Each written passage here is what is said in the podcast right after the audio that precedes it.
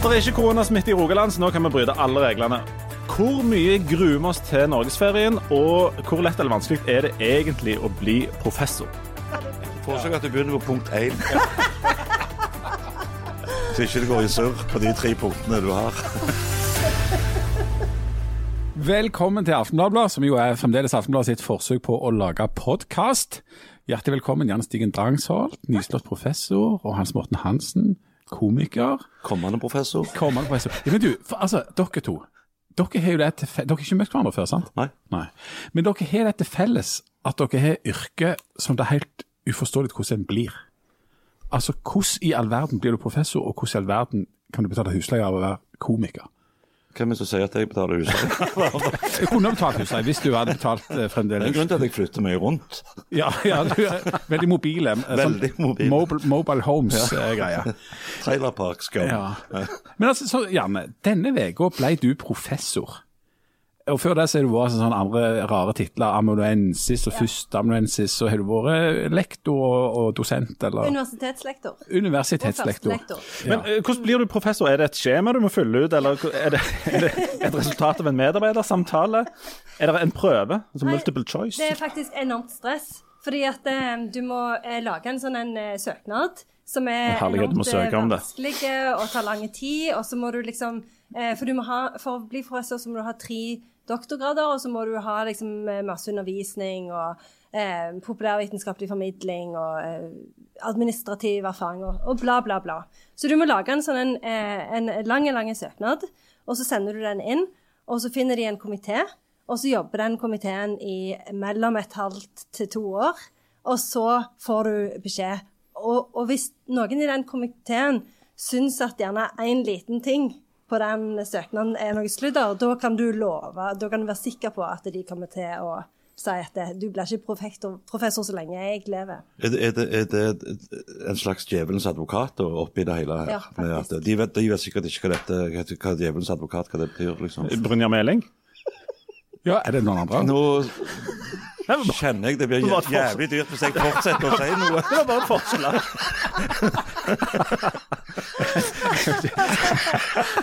Men ja, det, var- det var vi, kan ta det med Brynja. Han, han tror vi saksøke meg med forskjellige ting omtrent hele tida. Altså, Jeg har, jeg har jo øh, jeg håper jeg, jobbet med Brynja.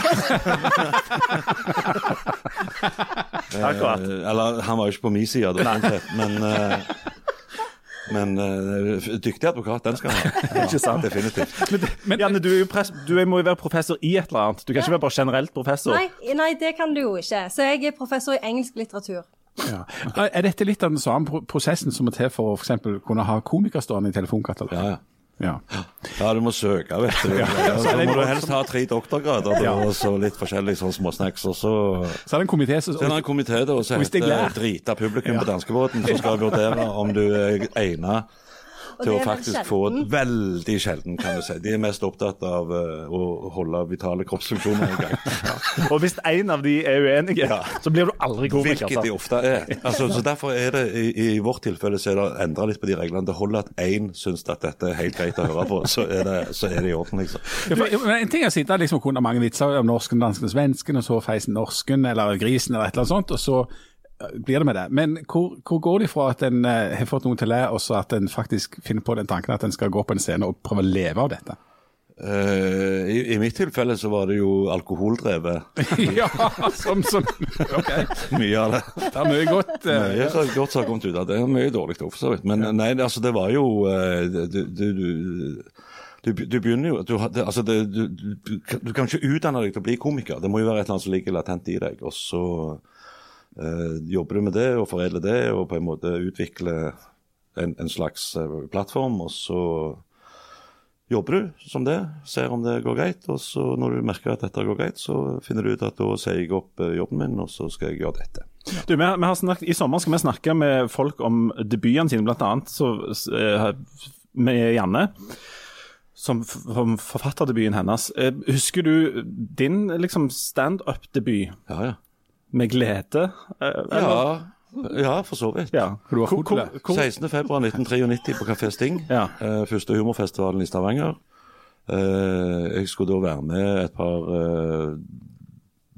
både gode og dårlige komikere ned og se på et show som viste seg å være med. Hvem var de gode, og hvem var de dårlige? Vi vil ha navn.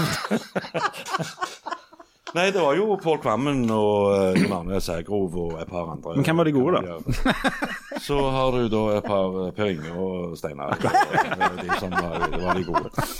Eh, Men det var liksom min debut på en scene, da, sånn, eh, og, det gikk for så vidt greit. Og så eh, ble jeg da spurt om å gjøre litt eh, mer ting, og så gjorde jeg det. Og så fant jeg ut at dette er egentlig ganske cushy måte å jobbe på.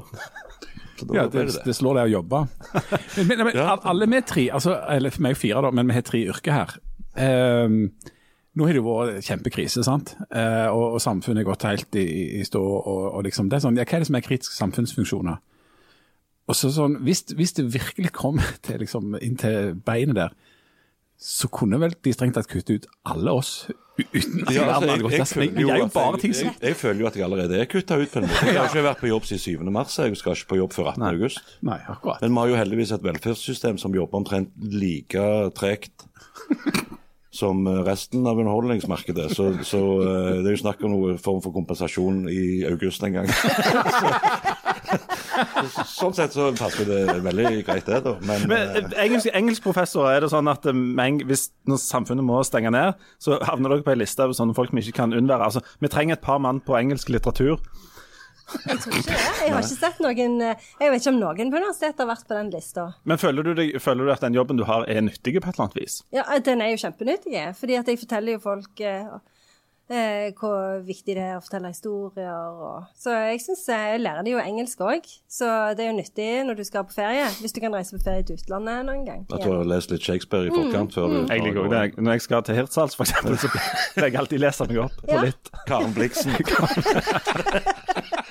Goethe. pleier jeg. Men, men du var inne på et litt interessant ord som plutselig dukket opp i forbindelse med dette, og det er samfunnskritisk. For hvis du ser, eh, altså I mange land i verden så blir samfunnskritiske mennesker blir arrestert, og ofte forsvinner de. Ja. Men i Norge så ble de jo hylla som helter og applaudert for eh, klokka midt på dagen. og liksom, Så samfunnskritisk er jo da i I hodet mitt så er det en person som er kritisk til samfunnet han bor i, og gir beskjed om det. Mens i Norge er det de som jobber på Kiwi og sånn. Det er de som jobber der. De kan jo være kritiske til samfunnet, de òg, da. Sitte der og irritere seg ja. Ja, men altså, det er sånn Litt feil bruk av ordet. Samme med, med folkeskjær. Syns jeg er et veldig merkelig ord. Du som jo er litt inni dette. Altså, tenker jeg, En mannevond bikkje, den er jo ikke spesielt glad i folk. Eh, Men hvis en, da, hvis en artist er folkeskjær, så vil jo det si at han er veldig glad i folk. Folk er ikke nødvendigvis glad i han. Nei. Han syns det er veldig hyggelig at det er folk å høre på. Hva kategori er du? Jeg er en blanding av mannevond og, og folkeskjær. Men jeg merker jo det under denne pandemien. Så, altså, jeg er veldig for sosial distansering. Og har hatt det helt stilig. Jeg, for jeg er, så, jeg er ikke glad i folk. Sånn når jeg ikke er på jobb, så syns jeg folk er bare noe herk. Eh, så jeg syns det har vært helt greit. Men det er klart etter to, tre, fire måneder så begynner du å kjenne på at det hadde jo vært greit å hilse på folk igjen. Men, men for deg har det vært helt bråstopp, sant? Totalt bråstopp. Ja. Og du, du hadde både to og tre jobber du skulle ha gjort i den perioden. Fra jeg gjorde siste jobben 7. mars. Fra 13. mars til 16. april så var det jeg tror det var ni eller ti jobber som ble kansellert. Ja. Og etter det så har det jo ikke vært uh, Men hvordan ser det ut framover? For du skulle jo til med show og greier nå. Ja, jeg håper jo da, hvis ikke vi møter en ny smittetopp nå eh, etter sommeren, at eh, det går som planlagt. Det har jo premiere 24.9. I Stavanger. i Stavanger konserthus. ja. Så uh, forhåpentligvis så er, så er ting i gang igjen da. Hvis ikke, så vi får begynne å lese noen engelske bøker. Da, så. Men, men Janne, da er det en fordel å jobbe i offentlig sektor og Ja, på et universitet, for der har det ikke stoppet noen ting som helst. Nei, nei, der har det vært full, full gang. Full gang, ja. Så vi har jo hatt eh, Undervisningen var jo veldig lett å flytte den over på Zoom. Veldig lett å flytte alle møtene over på Zoom. Så det har gått knirkefritt. ja. Folk, er blitt, folk er blitt professor i den tida. til og Men eh, eh, Når du nå blir eh, professor, eh, skal du få, kan du da bare gå og sveve over vannene der oppe og kaste glans og sånt? Eller, jeg forstår ikke hvem, altså jeg forstår at Nå vet jeg hvordan du blir professor, men hvordan er du professor? Jeg vet ikke, fordi eh, folk eh, virker som folk bare antar at du skal vite sånne ting fra før. Eh, Er det ikke ei håndbok? Nei, det er ingenting så vidt jeg kan se. Og jeg kommer jo fra Sandnes, så der er det ikke så enormt mange professorer. Du er kanskje den første professoren fra Sandnes ever. Men du, jeg vet ikke, om jeg nevnte, men jeg har gått ganske lenge på universitetet sjøl. Du har jo Jeg er hovedfag i sammenlignende politikk. Og jeg husker fra mine akademiske studier at det ble sagt at det var vanskelig å bli professor, men det var veldig lett å være det. Sa de det? Hvorfor, hvorfor var det det? Fordi du må skrive den der lange søknaden og har skrevet tre doktorgrader. Men i det øyeblikket du er professor, da har du lest alle de bøkene, du har skrevet alle søknadene, du er untouchable. Du sitter på en måte på toppen av næringskjeden. Du kan ikke bli superprofessor eller professorissimo. Du er professor. Men, men det er jo en grunn til kanskje at folk blir æresprofessorer og sånn òg på forskjellige universiteter rundt om i verden. og at det er liksom, du, du skal jo ikke fungere i en slags stilling, du er bare professor på det universitetet i egenskap av at du har utretta et eller annet uh, stilig tidligere. Så slipper du å tenke mer over det. Du er bare professor, liksom. Mm, men jeg tror de der æresprofessorene de har en sånn egen gig, for de er sånn som får liksom gratis mat i kantina og sånn, innbiller jeg meg. Mens, Ja, de er for gratis kaffe. det, mens vi er jo mer sånn jeg, jeg må jo gjøre noen Jeg antar at jeg må undervise. At jeg liksom Men og så er det jo ganske forskjellig. Noen steder får du jo halvpar, eller 50% forskningsfri når du er eh, professor. Men det tror jeg ikke gjelder i Stavanger. Det er ikke Gjør det ikke det? inntrykk, Nei. Jeg trodde livet ditt handla stort sett om å prøve å få sånne perioder med sånn forskning der du kan sitte hjemme og lese, Ja, det er det Eg- og egentlig se Seinfeld. Ja, det er For det er det du egentlig vil, Det jeg har holdt på med så langt. så jeg håper jo at jeg skal få mer av det, men jeg må jo bare finne ut, da. Jeg må skaffe meg den håndboka, snakke litt med folk i Sandnes og finne ut hva, hva som Professorhåndbok. Ja. Pro- Professorhåndboka er Akademias Tillitsmannen. Jeg, jeg jobbet, for, for to år siden nå, så var jeg med på et sånn NRK-prosjekt som het eh, Latterlig smart, hvor uh, seks komikere fikk tildelt en professor, uh, en, eller en forsker innenfor et spesialfelt, så skulle vi følge den i ei uke. Uh, og så da lage et show basert på den forskningen du hadde vært med på. Uh, og da var jeg med ei som het Gro Amdam, som eh, professor på et universitet i Phoenix, Arizona i USA, som forsker på bier. Så jeg var jo med henne på, på alt dette greiene her og sånne ting. Eh, og hun, men hun underviser jo intensivt på det universitetet, og hun har seks eller syv av hennes studenter er òg blitt professorer. Eller professorer, heter det vel kanskje, hvis du legger inn rett rette Mm. Så for henne så er det egentlig beinhard jobbing. Hun jobber liksom knallhardt som professor og underviser og underviser og underviser og reiser verden rundt og på en måte holder foredrag og underviser. Da. Men, men jeg vet ikke om interessen er den samme for engelsk litteratur som den er for bidød og pollinering. Det er minst like stor Som jo faktisk er, vikt, som faktisk er viktig. Jeg syns det var fint du la det til. Ja, Det hvis det som, var som, har en, som faktisk betyr noe for folk. Det er ingen som er. Du, vi har, vi, vi har, meg og Jan har sittet i, i litt lunsjer og sånt og krangla om forskjellige ting. Litteratur er en av disse tingene. Fordi at jeg mener jo at ei bok der ikke noen dør i løpet av de første syv-åtte sidene, er ei mislykka bok. En ei kjedelig bok. Um, Jan mener at uh, her er det en del unntak fra den regelen der. Du som er professor i egentlig, Er dette noe du har undersøkt? altså at det må være mord inni at det, at det om for og imot eh, hva som er kjedelig Ja. litteratur. Ja, ja, jeg eh, syns jo at eh, ei bok godt kan være gøy, selv om det ikke er noen som dør med en gang. Jeg, men, det, men jeg liker jo, sånn personlig, da, så liker jeg veldig godt at det begynner å skje ting med en gang. Eh, for jeg snakket nettopp med ei som holdt på å lese en sånn samtidsforfatter. Eh, og hun var sånn herlighet, de gikk tur i skogen, og så mista noen en tyggi, og så fikk de gnagsår. Eh, og det var det, liksom. Eh, samtidig som hun nettopp har lest Hilary Mantel sin eh, trilogi om Thomas Cromwell. Og han var jo rådgiver til Henrik den åttende, som liksom halshogde koner eh, hele tida. Sa det Thomas Thomas Cromwell, det er ikke Oliver Cromwell? Nei, han var Oliver en, en slektning. Litt lenger, litt, lenger, Ja. litt seinere. Jeg elsker denne dette ligger jo veldig langt over Jo, men, men, men tenk, han, han var ansvarlig for reformasjonen og holder på å liksom stenge Er kloster. Og all slags greier. Der skjer det jo masse ting. Og så hun var sånn Herlighet, jeg klarer ikke å lese samtidslitteratur lenger, for da skjer jo ikke noe. Jeg vil, sant, det er jo litt sånn som å bli drept, bare en litt annen Ja, for, men jeg, for jeg trodde at Det går an å kjede seg i hjel òg. Ja, det At du blir drept. Du du må kjede deg i hjel i løpet av Og det er veldig vanskelig for han litt lurvete etterforskeren å finne ut det, at vedkommende kjeder seg i hjel. skal sette han og kjede seg i hjel. Se bøkene som ligger rundt han. Det er klart han har kjeda seg i hjel. men, men jeg trodde at eh, de som var liksom tungt eh, eh, beleste innenfor dette med litteraturteori og litteratureliten, at der var det jo eh, tvert imot sånn at det ikke bør skje for mye. Altså at det er et eller annet, en eller annen kvalitet ved litteraturen som er det de løfter fram. Ja, det er det jo, men det er jo liksom eh, Det kommer jo litt an på eh, hva- hvem du spør. Sånn som jeg, eh, jeg elsker jo litteratur. Ja, og du, men, og du er jo med i litteratureliten nå når du er blitt professor i Det litteratur. stemmer. Ja. det stemmer. Ja. Så, så det, det, det er jo eh, Folk liker jo forskjellige ting. Altså Noen liker krim, noen liker fancy, noen liker Noen liker mor, og noen liker Ja, Så det, det, det er vanskelig å generalisere, men du kan jo si at det finnes jo veldig mye krim der ute. og Det er jo veldig mange som leser det. og eh, Det er jo få som har solgt så mange bøker Ja. som Jo Nesbø. Men du, Hansen, du plukket jo opp dette, han Oscar Chromebook der. Om dere skal håne den tingen nå Nei, nei, nei, nei. Jeg, har, jeg har aldri hørt om han før. Men eh, eh, driver du og leser sider opp på siden her masse, leser masse litteratur. Ja. All slags, eller en slags. Og her du leser all slags? For det irriterer meg med folk Men jeg, jeg, for meg, så, altså, kall det tyngre litteratur kan ofte bli et slags prosjekt med at jeg må dedikere tid til altså Jeg hadde ei greie tidligere hvor jeg leste eh, Snorres kongesaker hver tredje år. Uh, og Det er jo en ganske massiv Just. bok. Det er fryktelig mye navn inni der og fryktelig mye folk å forholde seg til. og alt mulig. Men apropos eh, mord per side Der er ryker det jo en god del. få bøker som slår den, altså. Uansett. Uh, men, men, og, og lese Bibelen hvis jeg finner det for godt. Og, og liksom ha, men, men jeg må dedikere tid til det. Ja. For, for det, du, kan ikke, du kan ikke ta lett på tung litteratur, for å kalle det det. da. Du må liksom sette av tid. Nå skal jeg lese dette greiene her. Nå skal jeg lese 'Prosessen'. Nå skal jeg lese Dostojevskij. Altså det, det krever litt fokus. Så da må du sette av tid til det.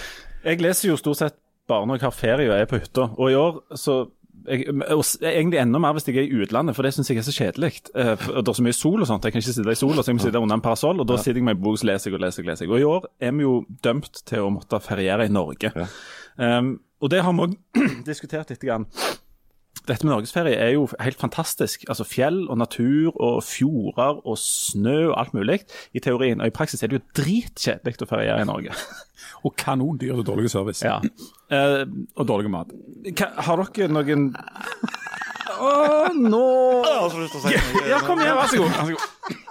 Du, jeg, jeg tror med tanke på uh, hvordan den norske reiselivsbransjen har slitt og kommer til å slite ganske lang tid framover, og de vet at alle nordmenn i stor grad kommer til å feriere i Norge, så tror jeg ikke de kommer til å gå inn for å yte overpris av dårlig service. Nei. Jeg tror de kommer til å gjøre en innsats som det virkelig står respekt av. Men jeg er enig med deg at du, du kan oppleve fryktelig mye rart. eh, og eh, kjøpe fiskesuppe i Lofoten som er faen dyrere enn heroin og smaker diesel. sant? Nemlig. Ja, Men, men jeg, tror, jeg tror det er et tilbakelagt stadie. Jeg tror de er så avhengige nå av At de kommer til å bjude på. at Rett og slett er på tilbudssida nå og kommer men- til å bjude på skikkelig. altså. Og du skal til Kinsarvik og Røros og Jeg skal rett og slett Norge rundt. Ja, fortell. Ja, eh, kan godt det. Gjør det. Jeg skal først et par uker på ei, en, ei hytte nede på svenskegrensen i Halden. Og så skal jeg være hjemme et par-tre dager, og så skal jeg eh, kjøre bil. Eh, Norge opp og ned. Eh, det er min versjon av 71 grader nord. Eh, Kjøring og hotell? Som jeg for øvrig fikk eh, forespørsel om å være med på. Du gjorde det? Ja, og sa jeg kan være med på 50, 58 grader nord. kan jeg være med på. Alt annet kan du drite i. 58 grader i Lillehammer, det? eller? Ja, rundt der en plass. Så, men hvis det er i bil, så kan jeg godt ha både 71 og 81 òg. Er det en soloferie, eller har du med deg noe, er du belemra med noen folk? Jeg er belemra med folk, men det er bare hyggelig. Ja, det, det blir kjempekjekt. Jeg skal besøke masse venner, både nye og gamle, og familie og slekt og i det hele tatt. Og skal svi av åndas mye bonuspoeng på hotell, som eh, ellers hadde bare forsvunnet ut i kålen. Så da eh, selv om jeg ikke kommer til å legge igjen sykt mye penger på hoteller, så kommer jeg i hvert fall til å bo der som gjest. Og kommer, jeg er ganske hissig på TripAdvisor og sånn. Eh, hvis det er dårlig, så sier jeg ifra. Du gjør det, ja? Ja, ja. Ja, absolutt. Men, men jeg, for jeg har tenkt på dette som en mulighet for reiselivet. I dag så er det en kommentar faktisk i, i Aftenbladet eh, av Camilla Bjørheim, som ikke har skrevet selv, men som har skrevet omtrent det jeg tenker at dette er jo en sjanse, da. Absolutt. For, for det finnes jo to måter å prise eh, eller lage til noe på. Det er at du eh, vet at disse folka innom her kommer aldri til å komme tilbake med sier 10 000 kroner for et rekesmørbrød som nakkes. Eller så må du gjøre noe som gjør at folk har lyst til å komme tilbake igjen, og da må det være en sammenheng mellom det du leverer og det du betaler. Absolutt. og alt ihop. Jeg tror folk er der. Ja. Jeg har selv betalt eh, 10 000 kroner faktisk på, for uh, en bagett og en kopp kaffe. eh, ikke kødding, det var på Keflavik flyplass på Island. Og islandske kroner. Men jeg tenker, Ja. det, det, greit, jeg kommer fra et land hvor ting er ganske dyrt, men 10 000 kroner for en bagett tenkte det var noe litt i overkant, men vi fant jo ut av det. Ble, ja. men, men min tanke og min filosofi er at, at reiselivsnæringen i Norge kommer til å gjøre en skikkelig innsats. For, nettopp, altså, for vi kan risikere at neste år òg er vi oppe i samme driten med at det er restriksjoner på hvor du kan reise osv. Så, videre, og så, videre. Eh, så Så jeg tror de kommer til å gjøre eh, maks Innsats. for å tilfredsstille den eh, norske befolkningen. Ja, Janne, er På professor Janne. ja, er, du, er du oppvokst i Altså, jeg er oppvokst i sånn eh, litt sånn i baksetet, campingvogn og eh, Sørland og litt sånn Østland og sånt. Er, er, har du vært med på det samme? Nei. Vi reiste alltid til utlandet. Uansett. Påske, sommer, Ja, hvor- eh, hver eneste ferie. Hvor hen? Gran Canaria, Mallorca og Florida. Jøye, meg, ikke rart du ble professor. Nei, det, nå begynner brikkene å falle. Men, men har, du, har du sånne no, eh, blind spots på norgeskartet? Altså, der burde jeg vært, der burde jeg vært, der har jeg aldri vært og sånt? Hele, hele Norge, da. Ja, hele Norge, faktisk. Og så er jeg enormt dårlig på geografi, så jeg vet ikke hvor Norge er. Eh, Norge er det som ligger på siden av Sverige. Ja, ja, jeg vet du sier det, men det liksom hjelper ikke meg noe. Du skal, skal få en liten interessant fun fact eh, av meg. Eh, For jeg skal da kjøre Det ene strekket mitt en dag er fra Kirkenes til Alta. Da kjører du gjennom Finland. Og det eneste strekket i Norge hvor du tar til venstre for å komme til Finland. For Finland ligger jo øst for oss, og vanligvis så ville du svingt til høyre. Men de har en sånn liten tern som går opp, som gjør at det er kortere å kjøre en liten tur gjennom Finland. Eneste stedet i Norge hvor du tar til venstre for å komme til Ja, for det er sånn geografi som jeg liker. Så når du sier om du skal ta Dette er til høyre eller praktisk venstre, anvendt ja, da skjønner jeg hva geografi. Ganske det dreier seg enkelt, om. ja, så nå vurderer jeg det. Ja, og så er det et fantastisk sted i Italia hvor jeg har feriert ganske mange ganger. Hvis du ser på Atlas, når du kommer ned til I-en, første I-en, tar du til høyre. Kjempeflott Det er område. såpass. nå ender du bare opp. Så er det- da ender du opp et flott sted på, på grensen til Kroatia. Hva gjorde dere i sommer? Nei, vi tok til venstre i fin til Finland. Vi tok til venstre i Finland. Ja. Men hva skal du gjøre nå i sommer, professor Janne? Skal du kjøre ut i dette store hullet, svarte hullet for deg, Norge? Ja, jeg må jo det. Så eh, forrige gangen vi har hatt en norgesferie, og da overnatta vi på hotell Ullensvang. Eh, og da ble vi nesten kasta ut to ganger. Eh, det var med sånn småbarnsfamilie, og da var det sånn Første gang så satt vi bare på gresset. Og så kom, kom hotelleieren bort til oss og var sånn Ja, det er bare de som bor her som får lov å sitte på gresset. Nei. Vi betalte jo Jeg betalte ganske mange 10 000 kroner pluss den bagetten eh, for å ha et rom i første etasje og stirre inn i en sånn betongvegg, for det lå liksom under gaten. Det var under trailerdekket på danskebåten på en måte. Det var det. Så fikk dere ikke lov å sitte på Og så andre gangen så var vi i, re i resepsjonen. Samme fyren. Ja, dere er her ennå. Bor dere Bor dere Ja, det det. Det var liksom to timer siden vi snakket med deg sist. Ja, vi gjør det.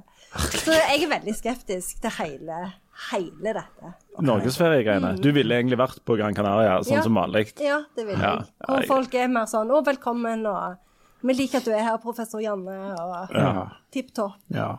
Kan, kan du, om du Men- får sånn men- skilt, skilt når du er professor, at du kan ha det som en sånn smykke eller sånn, sånn, for dette, Jeg tror du vil få en voldsom respekt, og muligens julensvang, hvis du har sånn professor Janne. eh, Ja, eller hvis jeg tatoverer professor i pannen. Ja, for eksempel. Sånn at det går an å se det. Jeg skal bestille det sjøl hvis det ikke går an. Ja. Hvis jeg ikke får det automatisk. Jeg, jeg blir av og til behandla rett og slett som en gud jeg, på hoteller. når jeg kommer. I Norge Ja, for jeg kommer inn og sier 'herregud, er du her igjen'? Det jo flott. Jeg føler at det er ganske fint. Jeg. Ja.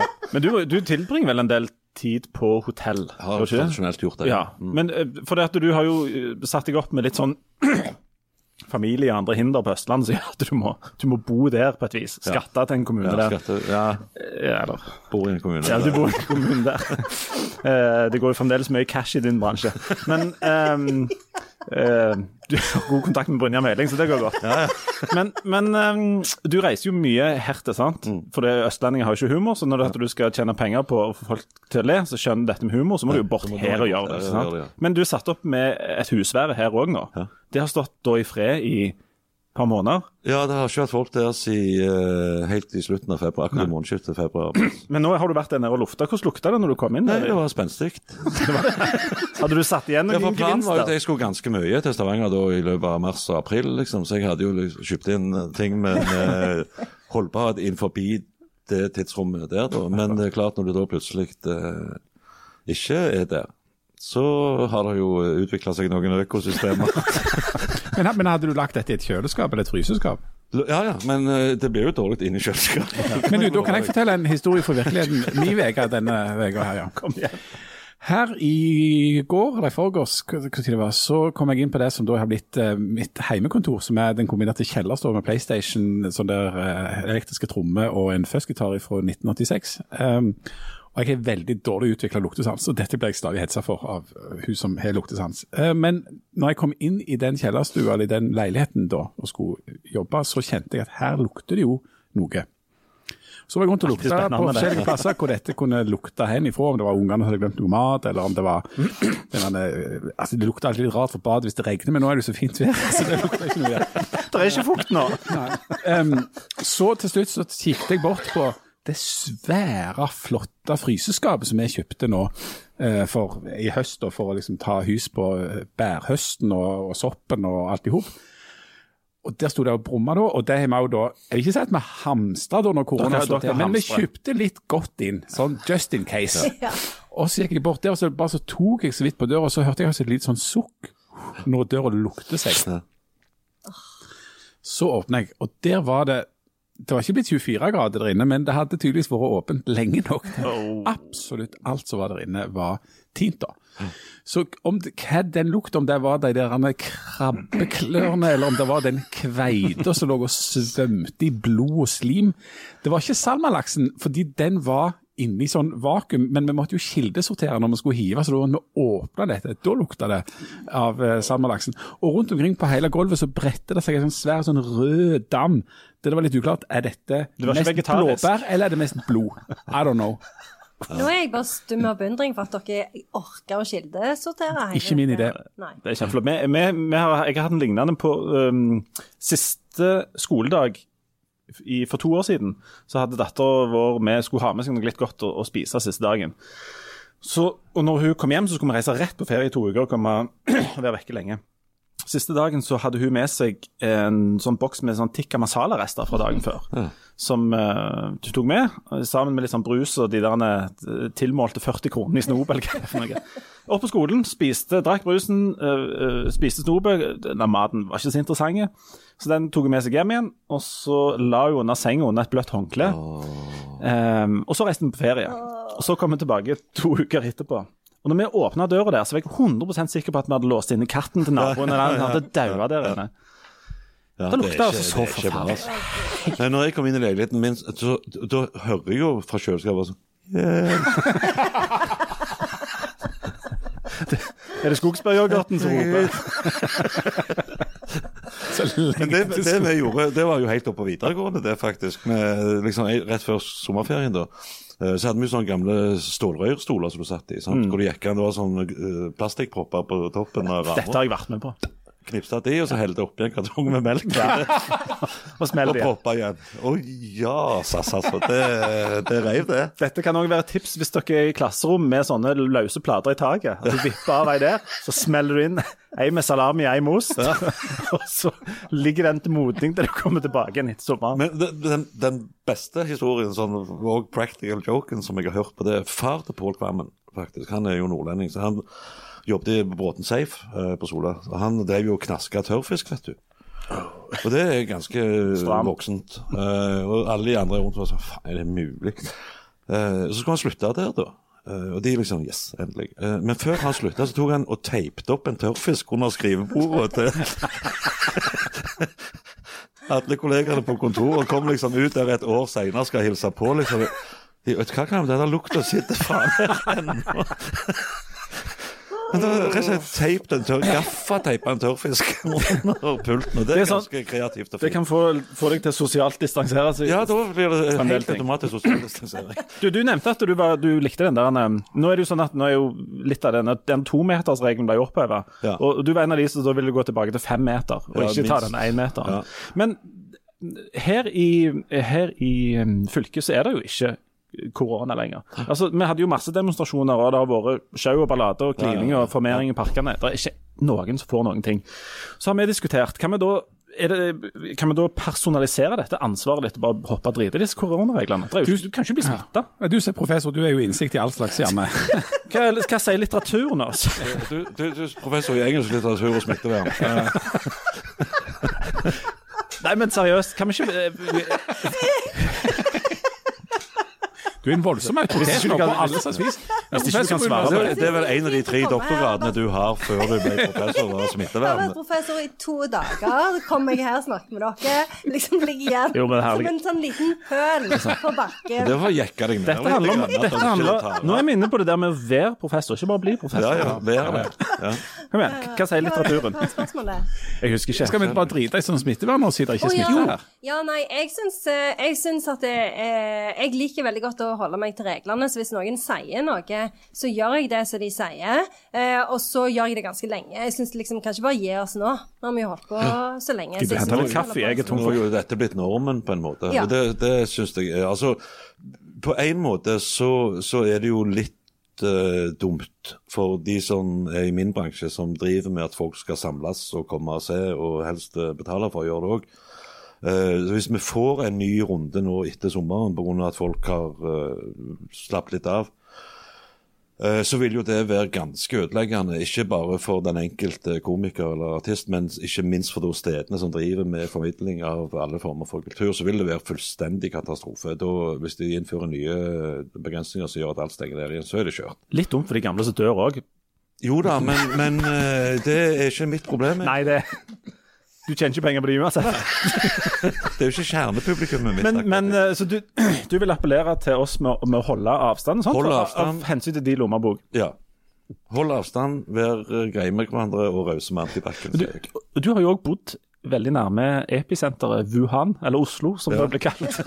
For den driten. Har dette, altså her, er, her er vi jo nokså sånn relaxed. Altså, du klarer ikke Hvis vi hadde gått ut og slikt 100 folk i øynene her ute, så hadde vi jo fremdeles ikke fått noen ting. Nå- nå- nå- nå så professor Janne veldig sånn- et eh, slags pålegg fra politiet om at det slutter du faen meg med. Professor Janne ser litt sånn rar ut nå, i men, men tingen er at det smitter jo altså, du, du. Så du må slikke folk i øynene, eller eventuelt inni munnen. For, for liksom, for Det er så lett- det er så Det er lett jo rart at du valgte å gå for øynene. Jo, ja, men det, dette er logisk. Hvis du springer bort til Det logiske er jo å gå for den mest åpenbare eh, løsningen på dette, og slikke folk inni munnen da, istedenfor å slikke dem i øynene. Nei, men hvis du kommer med, med tunga ute mot noen, så kommer de til å lukke munnen.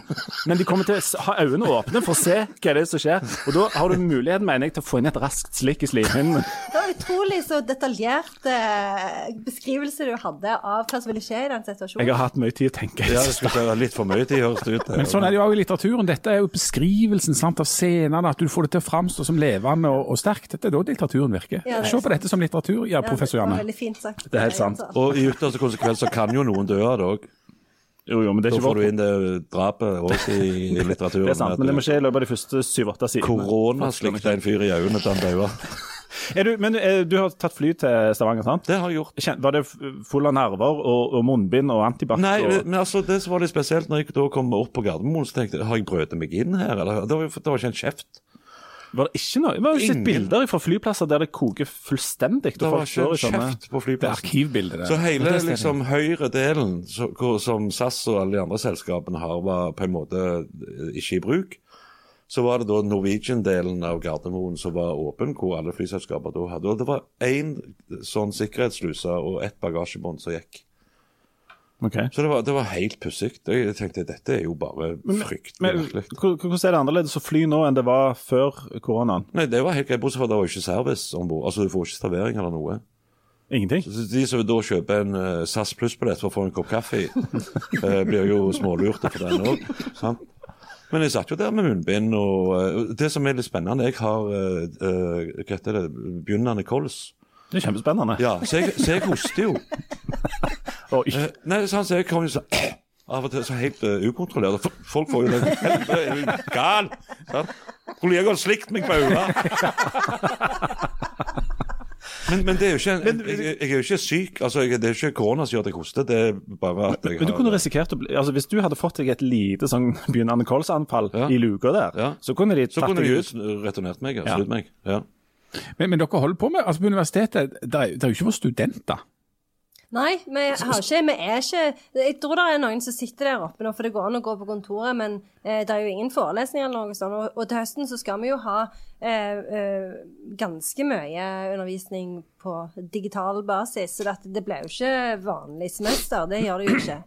Det, men det, helt, det mener du er helt fint? Nei, jeg mener ikke det. Jeg ville jo selvfølgelig helst hatt, eh, helst hatt eh, møtt folk.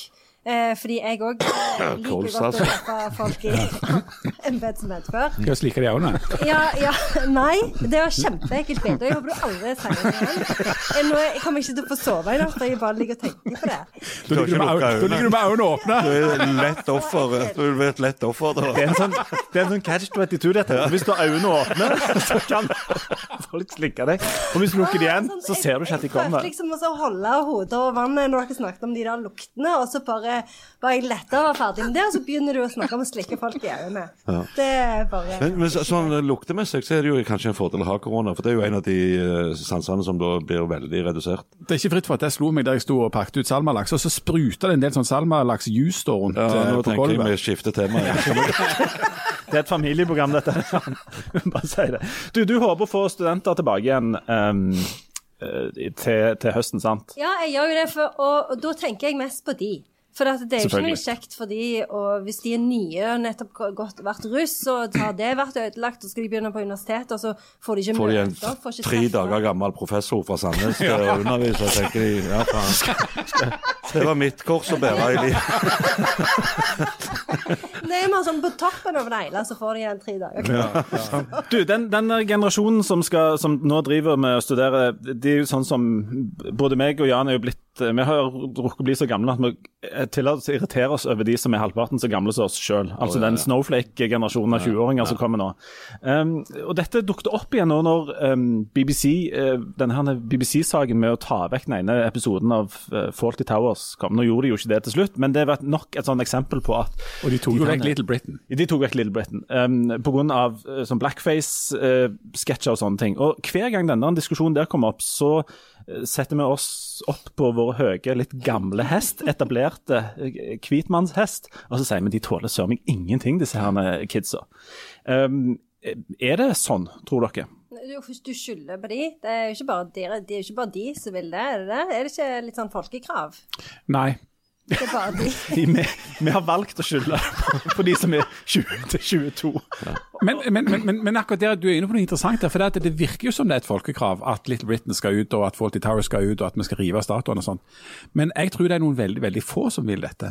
Men fordi at de er ute i gatene, og fordi at det er så mye lyd i det, for det er liksom så, altså de aktivistene er så veldig aktive, så kan det se ut som, et, eh, som det er liksom et folkekrav at en skal endre på alt dette. Men, men jeg tror det er så få, og det er derfor det er noe av det som gjør at jeg eh, mener at en iallfall ikke bør gjøre det. Fordi at en, en, det er som en bitte liten gjeng med aktivister, mer følelsesstyrt enn rasjonelt eh, basert, eh, krever en masse ting. Og da mener jeg det er viktig å være velvoksen, gjerne hvit mann, sitter på toppen og sier nei.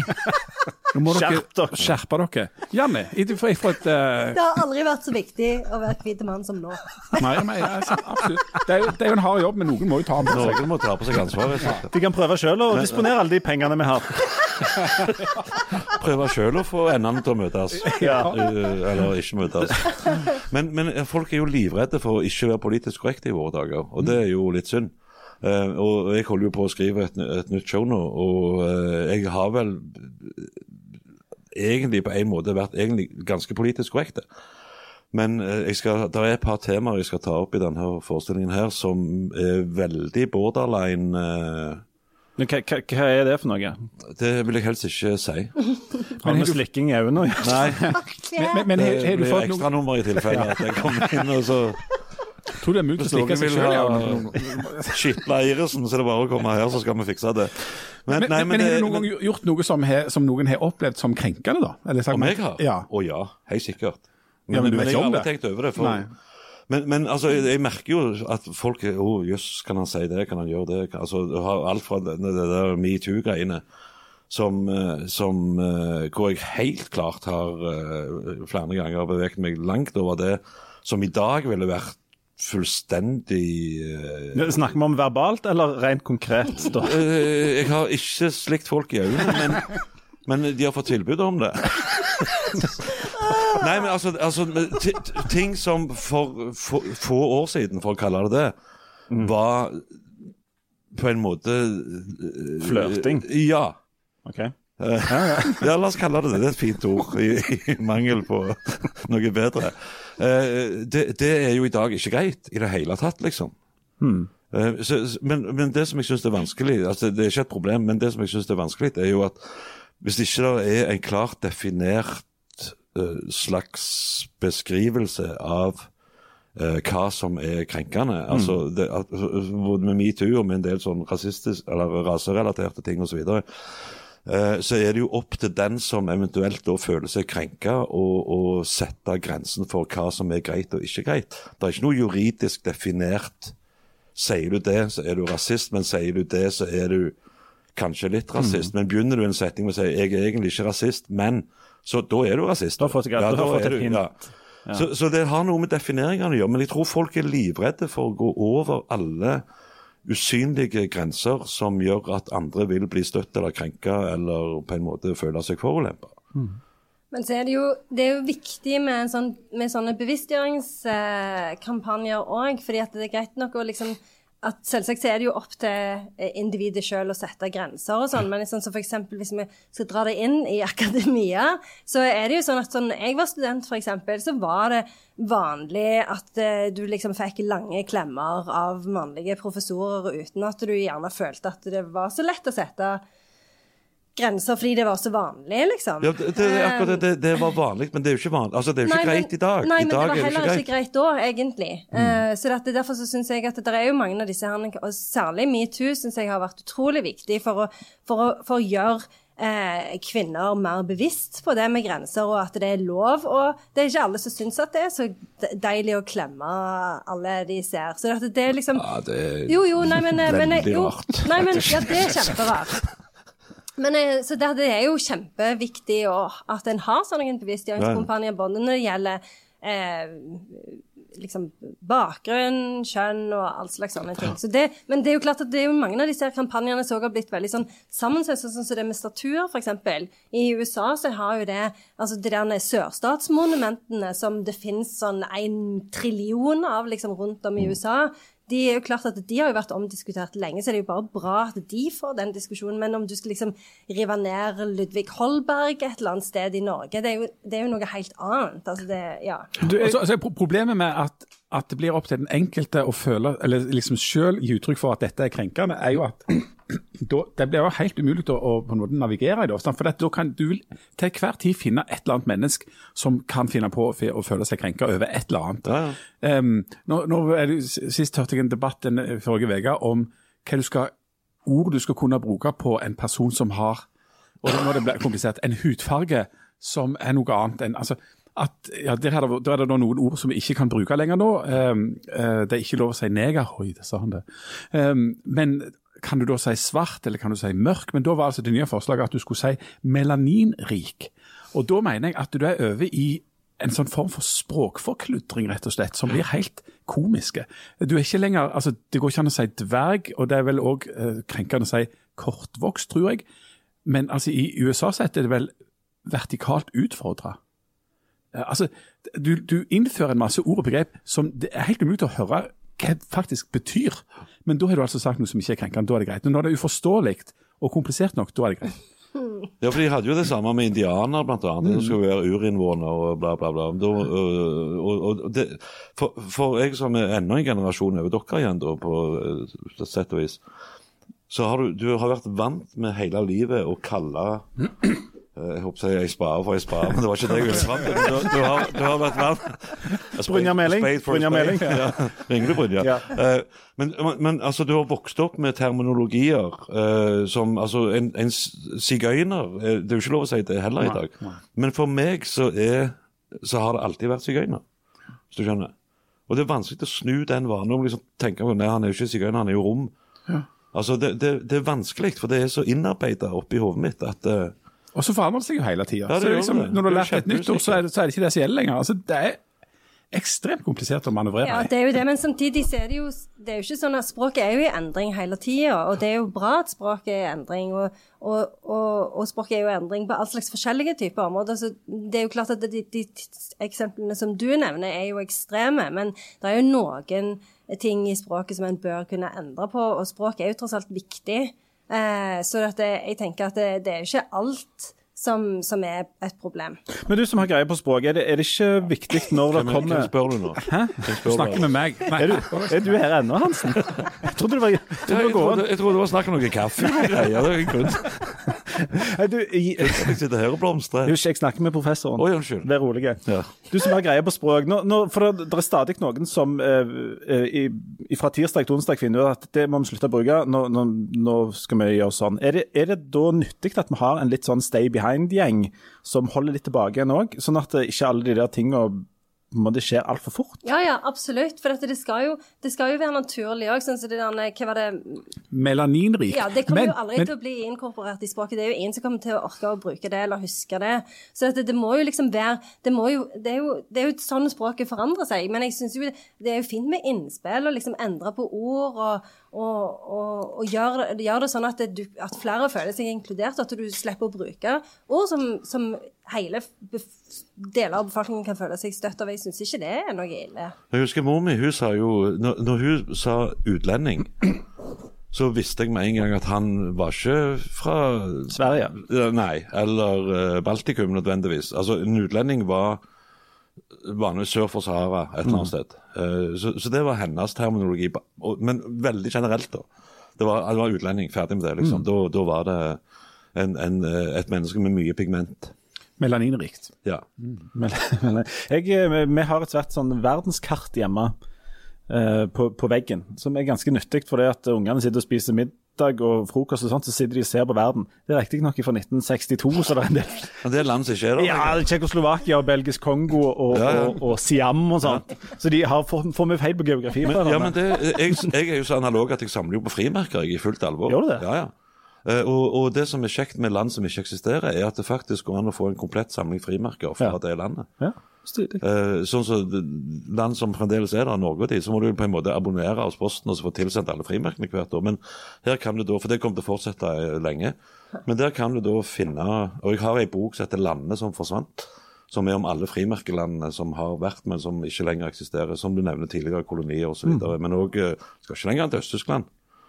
Men det er over. Uh, ja, de har slutta. Hæ? Ja, ja. Det Ja, De la opp på stemmer. det. Nå, Det de som ble, de som ble Polen, var det ikke det? De som er i Polen, ja. Men der er det faktisk litt interessant òg, for eh, det som heter Gdansk i dag, heter jo Danzig og var en tysk eh, enklave i, i Polen. Og de hadde egne frimerker som de ga ut fra, Danzig. Og det, det går det an å få samla komplett. Hadde dette vært en av dine tre doktorgrader hvis du skulle bli professor? Ville- Frimerker er det Jeg skal faktisk eh, jeg skal være med på en podkast senere i kveld hvor vi da skal snakke om østtyske frimerker. Akkurat. For du lærer fantastisk mye av det. Ikke bare du geografi, men du lærer òg veldig mye politikk. For du kan se på et land hvordan det står til. I det landet, basert på motivene de har på frimerket, men òg på kvaliteten på papiret. Akkurat. Limen, da. Så de første, første Ja, limen òg. Noen ganger er det jo ikke lim engang. Og noen ganger ser Ja. Det, det kjennes ut som å slikke på et øye. Nei, Er det sant? Litt sånn hals... Litt sånn Men, men, men de aller første frimerkene fra, fra siden vi er på Baltikum, eller var vi ikke der? Nei, vi var på en helt annen plass. Nå Eh, Ja, men, ja, men Jeg går og henter eh, kaffe. for uh, Lettland og litt, altså det gamle land som ikke eksisterer, var, tysk, var trykt på baksida av uh, tyske krigskart fra første verdenskrig. Så for å se at det er frimerket ekte, så er det da karttrykk på baksida, liksom. Du kan se at det har vært et atlas som er en tråd tilbake igjen hvor der som du var, hvor du lærer ungene dine om geografi. Nemlig. Og det var det vi begynte med. De, de, Fantastisk smidig overgang. Utrolig. Bare en liten anekdote der på tre kvarter Ja. fra Hansen. Det er sånn som du egentlig bør spare til den der turen din til Vadsø, så så du har noe å fortelle på veien. Du kunne jo hatt sånn live-podkast på veien. Ja, det kunne du. Fortelle Ja. tegne og fortelle Vet du hvem som. Å, vet du hvem som hadde hørt på det? Ingen. um, nå mistet jeg helt tråden. Afrika. Nei, vet ikke, vi dropper den tråden. Han han var så Nei, nå går han i kolsen. Nå er, nå er det koronaen. La meg si det sånn. Hvis, Det har ingenting med dette 20. dagen Nei. liksom, Det er jo helt sitte. hvis dere skal slikke noen i øynene, så ikke gå for Hansen. Um, kjenner jeg her. Um, Gå for professor Janne. nei, ikke gjør det. Og Og det er ligger der ikke for å sove med vidåpne øyne. Dave Aune bare ligger der og skriker. Er ekkelt. men det er jo sånn at det, i gamle dager så var det jo sånn at professorer helt fritt kunne gå rundt og slikke sine studenter i øynene, og det var bare sånn det var. Det var sånn det var. Ja. Det var, det var Og så, et forsøk. ja, og så plutselig på 90-tallet Nei, da var det galt. Nei, var det skulle det. Det var jo ikke på 90-tallet, det var mye seinere enn det. Det var jo sånn i fjor. Og jo slikte du folk i øynene helt fram til i fjor. Ikke jeg! Det er jo du som er professor. Ja, nå. Jeg ble jo det i forrige Ja, du var førsteamanuensis, ikke så langt ifra. Det er ganske Du, Hvordan feirte dere eh, at Norge fikk eh, et sete i FNs sikkerhetsråd? Er det viktigere at vi er der enn i superfinalen i Melodi Grand Prix? Bare for å fortsette på den tråden. ikke Ja, jeg, jeg vil jo si sånn eh, rent eh, bilateralt så er det jo veldig viktig. Ja, du mener det? At, ja, jeg syns det. At, at Norge omsider har fått det. Har FN egne frimerker? Ja, faktisk. Eh, De har tre forskjellige serier. Det ble gitt ut én i jeg angrer så sinnssykt på at jeg spurte. en i Genéve og en i Wien. For alle de har da store FN-hovedkvarter, så de gir ut uh, Ja. serier med frimerker. Så du kan sende et postkort fra FN? Ja, ja. Men jeg vil kontre det og kaste inn en brannfakkel og si at det ikke bare er bilateralt viktig, men også multilateralt. Ja, det er geopolitisk veldig interessant, syns Ja, jeg. At, ja. eh, Men, men det å bruke en valgkamp på 15 år for å få en jobb som du skal ha i to år Det du skal sitte og være nervøs for å, å pisse off enten Kina eller USA eller begge, eller eventuelt Russland. Ah, vet ikke. det, det, Da er det litt bedre med deg, Anne. Som da, nå, nå har du sikkert jobbet i 15 år for å bli professor, som du skal være resten av livet. Du, du, kommer jo aldri til å miste den tittelen hvis ikke du Slikker folk i øynene. Ja, jeg ville ikke gå den veien, men, men jeg var på vei. Eller syns du dette går? psykotisk av å tenke på det. Ja, eller at det plutselig klikker. Så, så Jeg var professor i to dager. så røyk det. Dere vet at når jeg ga meg med pensjon, så ble jeg professor emeritus. Ja, det er litt fint. Ja, Men du blir det? Automatisk. Ja, det betyr at du har nei, vært professor. ble du ikke emerita? Jeg, jeg regner med at det er kjønnsnøytralt. Nei, Er tuss, det det? eh, tuss tror jeg er maskulint og emerita. eh, Og nå begynner vi med, med Jan sin, sitt glansnummer i, i selskapslivet. Nemlig, nemlig at når du er ute og flyr Hansen, du er jo mye, mye ute og flyr. Ikke så mye nå i det siste. Nei, men, nei, men før, når, du, før når du hadde jobb og var populær, så flydde du en del. Hvor mye bag, altså Når du skal telle eh, antall sånne bagasjeting, eh, i hva, slags, hva oppgir du det i? Hvor mange, altså Du har lov å ha med deg så og så mange? Collie. Hvis du har med deg en koffert, da, hva kaller du den for? Da har du med deg en Et Det kommer an på om jeg skal fortelle dette til et eh, vanlig menneske, eller om, om jeg skal fortelle det til en eh, airport official. ja. uh, så hvis jeg sier hvor mange De vil jo ofte spørre hvor mange collie har du med deg. Ja. ja. Jeg kan med meg ett. Og det, det er her Jan sine selskapstriks kom inn, fordi at han tenker at eh, nå, nå er folk litt brisne. Vi kjører litt latinsk bøying på ord. Men, det- men det handler jo bare om sånn språklig logikk. Ja, og Hva er dette greiene, Jan? Colli det må jo være pluralis. Det må jo være Flertall. flertall av kollo. Eller altså, det- Du må jo ha Det må, kan ikke være ett kolli. Men du har ikke sjekket dette? Det er bare Jo, jeg har sjekket det sånn delvis, men dette til fungus Kollo er, er jo tykktarm på latin. Men hvorfor kan ikke Ja, det er det òg. Det mest interessante ordet er jo f.eks. for eksempel anus. Hva blir det? Pluralis. Ani. Ani. Dette, dette er sånn som Det dagene våre anno, går. da. anno for, eh, for et år, og så er det anni hvis det er mange. Men uh, jeg, jeg har det jeg blir en del av det nye showet mitt nå. Med, jeg, Alt det- vi har sagt nå? Nei, nei, men jeg drikker Bortsett fra det øyegreiene, det styrer unna. Jeg prøver å være så bred og allsidig som jeg kan, jeg òg. Men, men jeg drikker veldig mye kaffe. Uh, espresso, uh, helst. Eh, og flertallsformen av det er espressi, men en, en italiener vil òg skjønne hvis du bestiller to espresso, så skjønner han jo Han er jo ikke helt idiot. Ikke, Hæ? Men derfor går jeg alltid på eh, kaffebarer i Norge, og hvis jeg skal ha mer enn én cappuccino, så sier jeg alltid cappuccini. Og da ser de på meg som om jeg har prøvd å slikke det i Mm. Ja, men det som av og til skjer når jeg bestiller sier jeg vil gjerne ha en dobbel espresso, takk, og så får jeg da som en bekreftelse på at de har skjønt eh, bestillingen min, ja, en espresso. Ja, sant. Så sier jeg, i hva faen slags parallelt univers blir de to S-ene der til KS oppi hodet ditt? Og det, det kjappeste svaret jeg har fått, var jeg, jeg tror det heter espresso, for det går ganske fort å lage det. Så jeg vet hva du skal være så glad du har utseendet med deg nå. For, Jeg jeg, hvor jobber du henne? Espresso house. Ja, nå klarer du å si det, ja, forbanna løk. Men jeg òg fyrer meg opp på sånne språklige uregelmessigheter eller feil som jeg bare Eh, Du kommer til å holde ut sånn fem minutter på norgesferie. Hva, hva mener du med det? Nei, hvis, jeg allerede har hissa deg opp. Ja, ja men jeg, det, jeg. Men Erne, du som, har- du som virkelig kan mye om, om, om språk og måten å stille bokstavene etter hverandre, du må irritere deg grønne over hvordan folk snakker og skriver. Nei, jeg er ikke Gjør du ikke det? Nei, jeg, jeg er veldig, veldig irritert når folk bruker genitivfeil. Det syns jeg er veldig Ja, det- Jans hus og hytter med en liten, Ja. og en jeg greit Det er umiddelbart veldig, kommer på hva en genitivfeil er. Du er jo Men født med en del genitivsfeil. er Ja, jeg eh, skjønte ikke spørsmålet, men jeg sier ja. Jeg er helt enig. Jeg er helt enig med deg. Helt Men er det det eneste du irriterer deg for over? at jeg, er ikke så, jeg er ikke så veldig opptatt av språk, egentlig. Jeg er bare opptatt av litteraturen. Så jeg Men hva er litteraturens viktigste eh, virkelig språket? Hva er ved litteraturen uten språket? Ordene du er, den, altså, du er den minst irriterte filologen jeg noensinne har møtt, professor Jan, og det er jeg veldig skeptisk til. Ja, men jeg blir veldig irritert når folk bruker sånn ekle uttrykk og sånn. Klikker i øynene? Sånn. ja, og sånn vonde bilder, Bilder, i hodet. Og så blir jeg veldig irritert på sånne eh, sånn frøene i paprikaen. Klarer ikke jeg å se på. Sånne ting blir jeg veldig irritert på, men jeg blir ikke så veldig irritert. Men det er mer sånn OCD. Det har egentlig Ja, lite det, jeg tenkte, dette, dette kan jo dette, Her er det lett å finne en slags diagnose på, på dette. Med, Kan egentlig fjerndiagnostisere det. Ja, kan bare si altså, Hvis du, du, Du er galen. når det er frø i paprika, så tenker jeg OK, jeg har vi et stykke å gå. Det er godt at mye undervisningen skal foregå digitalt her, at du slipper å ha folk eh, kloss innpå deg. At uh, Og det, Hei, har du paprika på matpakken? Er det frø ved den paprikaen?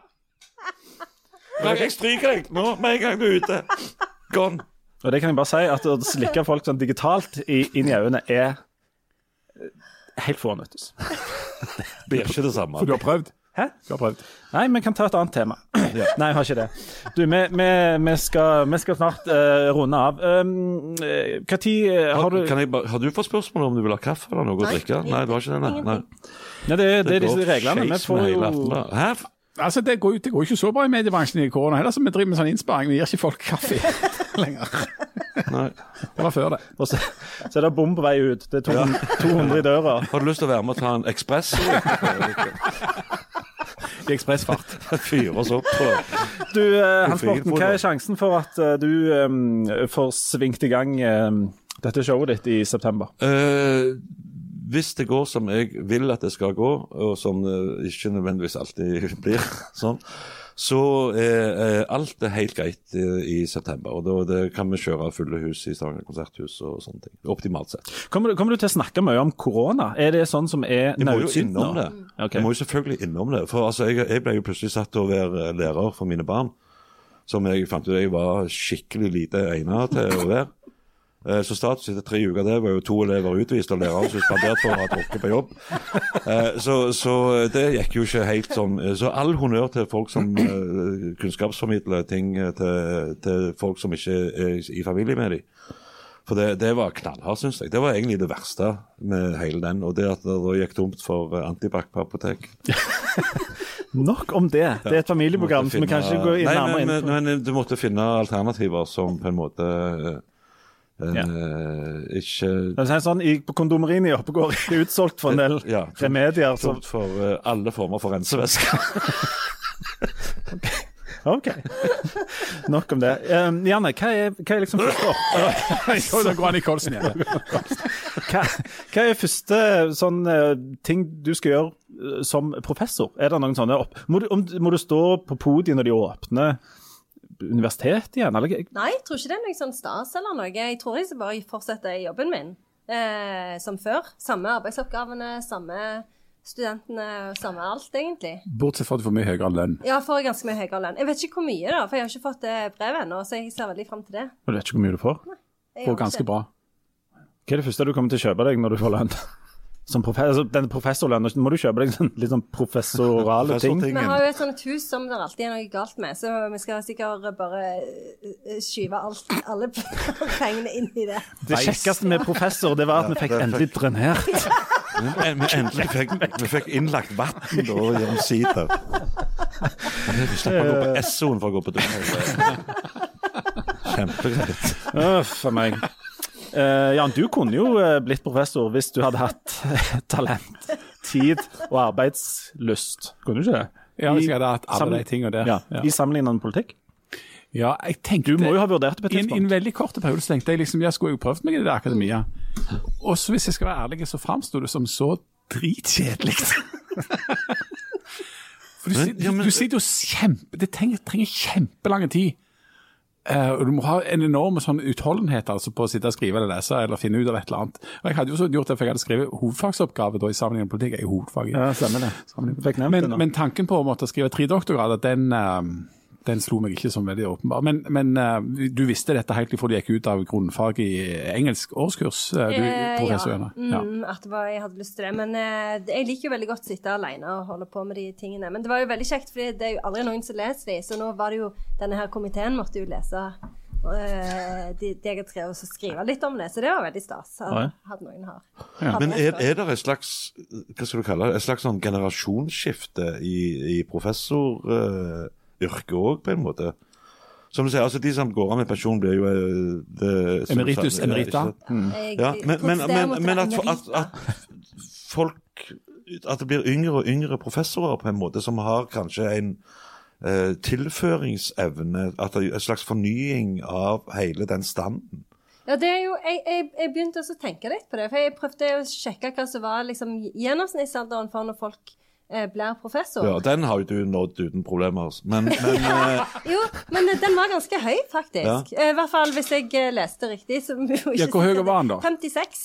Ja, Så da er du før skjema. Ja, Ja. Men, eh, men så derfor så eh, men, men nå er det jo sånn at det er mye flere sånn program da, for å få folk til å søke tidligere. Så Ja, ja. jeg tror nok folk blir professor tidligere enn før. ja, nei, for, jeg mener for oss som har eh, ganske mye tid eh, sånn generell, på generell basis, og kan se mye på TV osv.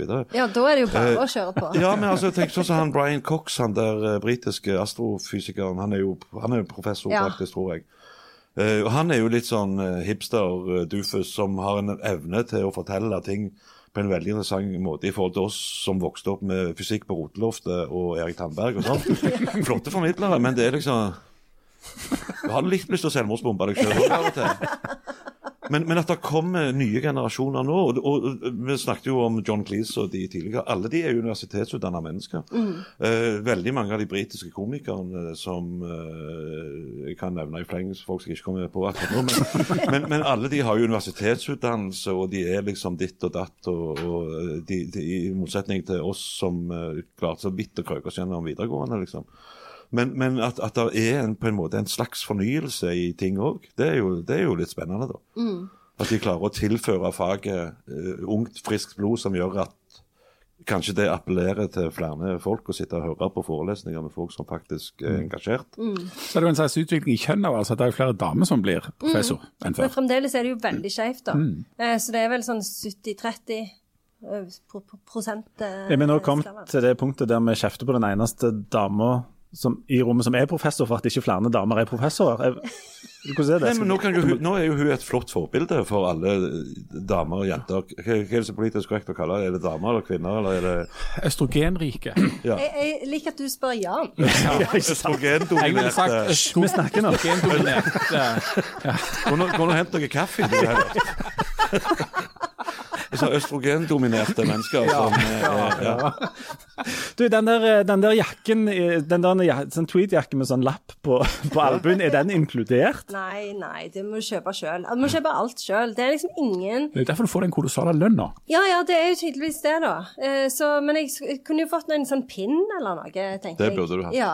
Eh, hvor er Jeg mener at det bør være et signal som skiller professorene fra på en måte vaskepersonale, eller de som Ja. går på, på tarsosteologi i en alder av 52 Ja. eller 36 fordi at de har lite å gjøre på. Har lyst til å utvide horisonten til. Så jeg tenker jeg, det- Det blir dette eller scientologi.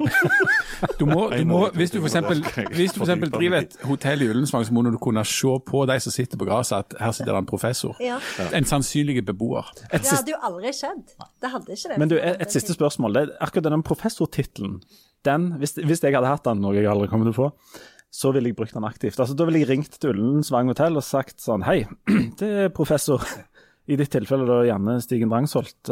men Jeg vil gjerne eh, bo hos dere en natt. Og brukt, altså sagt professor fra navnet Det skal jeg jo selvfølgelig gjøre, og det er litt derfor jeg er så bitter er på årets ferieplaner. fordi at når jeg har drevet og bestilt hotell i Norge, så er det jo aldri noe sånn Når du bestiller hotell i utlandet, så kan du hykke av. Tittel. Sant? Tittel. De vil alltid ha tittel. Ja. Tysk, tyskerne er jo helt ko-ko på det. Så Ja. Alle de som er doktor i Tyskland sammen, Men det kan jo være doktor i alt fra overflatebehandling til indremedisin, liksom. De, bare, bare du er tit doktor, så er det liksom sucker for titles, rett og slett. Men jeg ville da tatt kontakt med Ullensvang hotell og så ville jeg sagt er det nødvendig å booke plass på plenen hvis jeg har lyst til å parkere røda der ute? Eller holder det at jeg sier fra når jeg kommer? Veldig relevant. Det var sånn liten payback på det, da. Kan vi få det rommet? Ja, Så unnskyld, jeg, jeg er blitt professor siden sist, og når det gjelder den plenen Altså, jeg er blitt fryktelig introvert, så jeg trenger ikke ha verken innsyn eller utsyn. Så hvis, hvis du har et rom som tilfeldigvis grenser til en betongvegg, så hadde det vært helt stilig. Da vil jeg svært gjerne ha det. Betaler selvfølgelig ekstra Ja. det det måtte koste. Bare gønn på. Sett deg i betongen.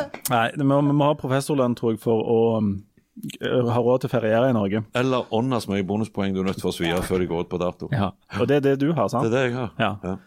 Har du, har du noe du, oppspart midler, Jan, som du Jeg ble jo lurt til å kjøpe et sånn et oppblåsbart boblebad til 1000 til min egen 40-årsdag nettopp. Ja, det er sant. Dette har vi ikke sagt noe om. Jo, altså Jeg fortalte om det på podkasten. Hører du ikke på podkasten, professor Janne? Jeg, ble, jeg, ble, jeg runder jo eh, de magiske 40 og Og dette visste jo ikke Janne, for hun hadde ikke hørt på Nei, podkasten. nei, hun hører jo ikke etter. Hun hører bare på sånne professorpodkaster om Goethe og, og Jo Nesbø og sånne store forfattere. Alle kjente engelske britiske forfattere Ja. som hun da har Ja. en eh, professorat i. Goethe, Ja, ja, Nesbø, og så han Nesbø. eh, Chromebook. For ikke, å- for ikke å snakke om de fire store Kielland. Og Macintosh. Ja, løye. Nei. Å, hadde vært godt med noe om eh, Kjør nå på med dette boblebadet ditt. Jeg skal heller gå og sette en kopp kaffe. Jeg tror vi må ta en kopp kaffe. Veldig kort fortalt, jeg ble 40. Og presanger må jo jeg kjøpe til meg sjøl. Og så Sånn er verden ja, så endte jeg opp med et boblebad. Jeg trodde du skulle begynne å snekre. Jeg skjønner ikke hvor dette boblebadet kom inn. Nei, ikke jeg heller. Men der sto det. Nå bare spoler jeg kjapt tilbake. Har vi snakket om boblebad før?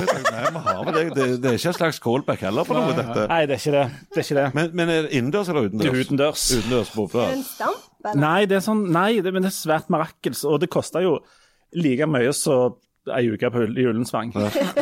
Så jeg har ikke råd til det. Så jeg må sitte i det der boblebadet, og jeg liker jo ikke å bade. For det er ikke sånne varme ting som bobler. Eller hvis jeg må være sammen med noen. Eller utendørs. Så det var egentlig en, det var helt topp det er helt politisk ukorrekt, men ref metoo som vi snakket om her tidligere. Men jeg gikk ut en langfredag jeg, i Stavanger sammen med en veldig god kompis. Uh, da Hans Jørn åpna klokka tolv på langfredag. Uh, og dette ble avslutta da i et boblebad i Vårlandsskråningen. Første påskedag.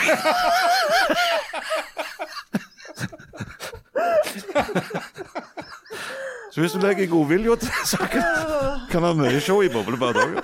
Og dette var sånn du slapp å lage bobler sjøl. Det var det, og du trykte på knapp, så kom det. Det var helt fantastisk. og helt magisk.